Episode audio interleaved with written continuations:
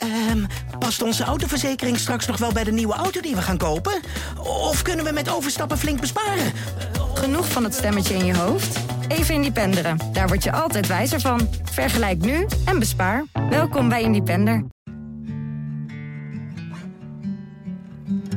Als papa doodgaat, zullen mijn broers ontdekken dat er geen enkele erfenis meer is. En dat zullen ze me niet vergeven. Welkom bij aflevering 13 van Mijn Geheime Verhaal. Leuk dat je luistert. In deze podcast van Margriet hoor je de waargebeurde verhalen van vrouwen zoals jij en ik. Verhalen die deze vrouwen niet aan de grote klok hangen. En als je ze hebt beluisterd, snap je waarom. Dit keer het verhaal van Elvira, wiens broers niet weten dat er dankzij haar straks geen erfenis meer zal zijn. Ik was thuis het enige meisje, een nakomertje na drie jongens. Mijn vader vond het gezin met drie kinderen wel compleet, maar mijn moeder verlangde zo naar een meisje dat ze slordig was met de pil. In eerste instantie was mijn vader niet blij toen ze vertelde dat ze weer zwanger was. Maar volgens mijn moeder veranderde dat toen hij mij in zijn armen hield. Ik heb mijn leven lang gevoeld dat ik zijn lievelingetje was. Hij droeg me op handen en wat ik ook deed, hij was trots op me. Mijn broers waren daar wel eens jaloers op. Voor hen was hij niet makkelijk. Hij stelde hoge eisen aan hun studie en werk. Het was pijnlijk voor hen dat hij bij mij alles blind bejubelde. Pas toen ik mijn man Joost ontmoette, ontdekte ook ik mijn vaders kritische kant. Hij onderwierp Joost aan een streng kruisverhoor en heeft zich nog minstens een jaar argwanend tegenover hem gedragen.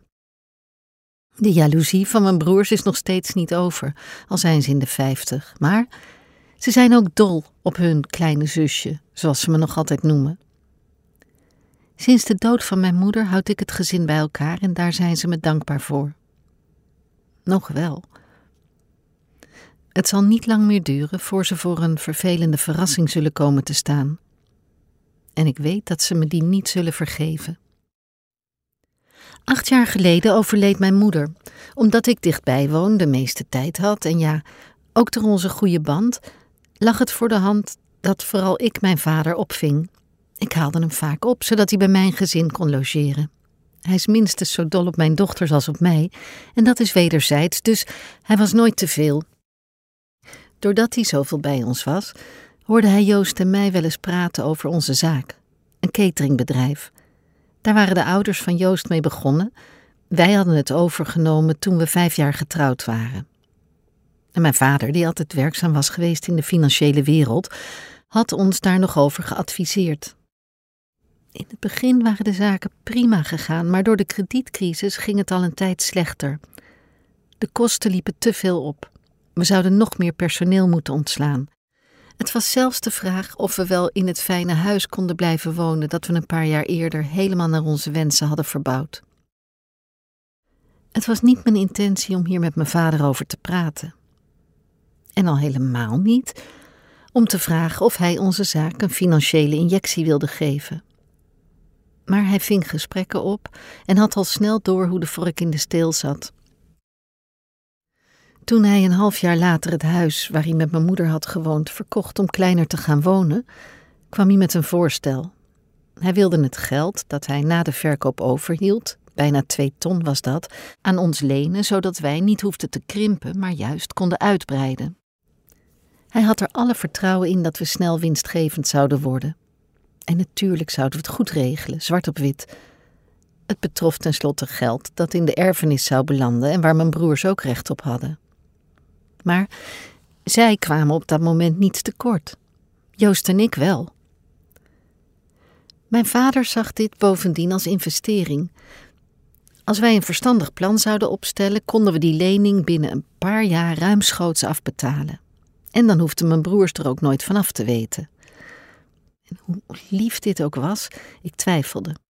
Ik wist dat mijn broers zich gepasseerd zouden voelen als ze het wisten, en bovendien woest zouden zijn over het risico dat er met hun geld werd genomen. En wat als mijn vader zou overlijden voordat we het konden terugbetalen? Dan moesten zij op hun erfdeel wachten. Maar mijn vader wuifde dit weg met: Jullie zijn nog lang niet van me af. En ik zag Joost helemaal opleven. Dat gunde ik hem zo, na jaren van keihard werken.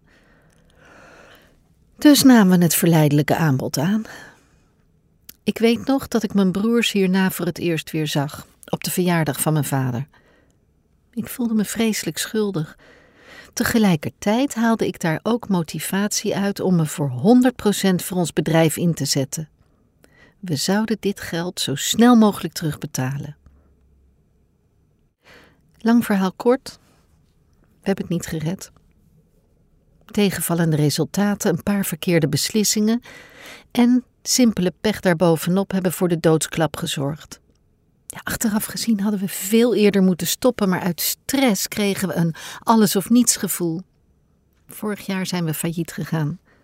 Ons mooie huis zijn we ook kwijt. En ons huwelijk heeft het maar ternauwernood overleefd. Ondertussen gaat het met mijn vader helemaal niet goed. Hij heeft twee keer een hersenbloeding gehad. Daardoor woont hij in een verzorgingstehuis. Het is vreselijk om mijn sterke, slimme vader daar te zien. Hij kan amper nog praten en het meeste ontgaat hem.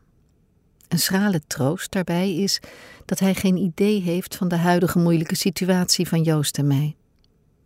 Ik weet niet of hij zich nog iets herinnert van zijn lening, maar die zullen we nooit kunnen terugbetalen. Mijn broers kunnen fluiten naar hun erfdeel als mijn vader overlijdt. Het is simpel, ze krijgen niets. Noppes. Maar dat weten ze natuurlijk niet. Het liefst zou ik het ze al vertellen. Boos op mij gaan ze toch wel worden, dus dan maar liever meteen. Maar ze zullen ook heel boos zijn op mijn vader. Hem verwijten dat hij een veel te groot risico heeft genomen. Voor mij natuurlijk, zijn lieveling. Grote kans dat ze hem dan niet meer zullen bezoeken. Dat wil ik niet. Dus zolang mijn vader er nog is, speel ik toneel. Maar ik besef heel goed dat als mijn vader overlijdt, ik al mijn familie in één klap kwijt zal zijn.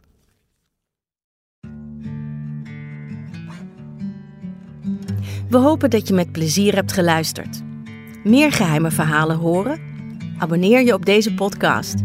In de volgende aflevering hoor je hoe Ilona zo graag een kind wilde dat ze stiekem zwanger raakte, terwijl haar vriend daar nog niet klaar voor was.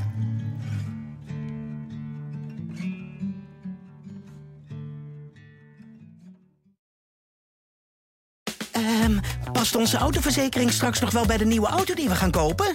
Of kunnen we met overstappen flink besparen? Genoeg van het stemmetje in je hoofd? Even Independeren. Daar word je altijd wijzer van. Vergelijk nu en bespaar. Welkom bij Independer.